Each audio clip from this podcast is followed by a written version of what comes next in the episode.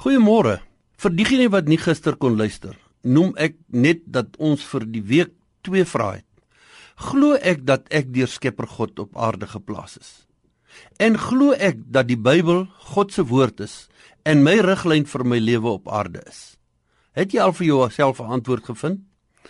Wanneer ons dan voortgaan, praat ek met diegene wat op bogenoemde ja geantwoord het.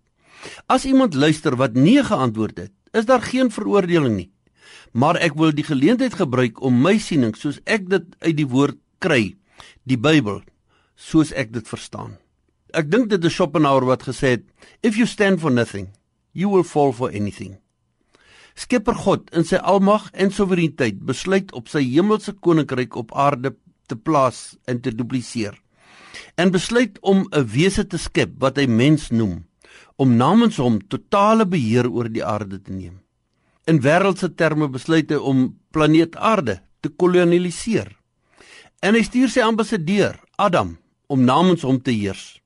Adam faal in sy opdrag en God moet hom uit sy pos verwyder en hom vervang. God wag vir die regte tyd. Die Engels sê dit so mooi, in the fullness of time. Plaas hy sy seun op aarde, binne in die Romeinse ryk, met een opdrag: gaan maak ambassadeurs vir my koninkryk op aarde. Liewe luisteraar, hierdie is 'n benadering wat ek vir myself gekies het om God se wil vir my lewe te verstaan. En dan besin asseblief self oor jou verstaan van God se plan vir jou en my op planeet Aarde. En dan kyk ons môre hoe God dit deur sy seun Jesus Christus bewerkstellig en beplan. Kom ons kyk Ons kan nie planloos deur die lewe gaan nie indien nie God se meesterplan nie. Watter een kies jy dan as mens wat 'n plan vir jou lewe moet jy hê?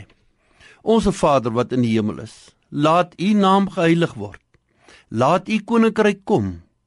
Laat U wil geskied, soos in die hemel, net so ook op die aarde. Amen.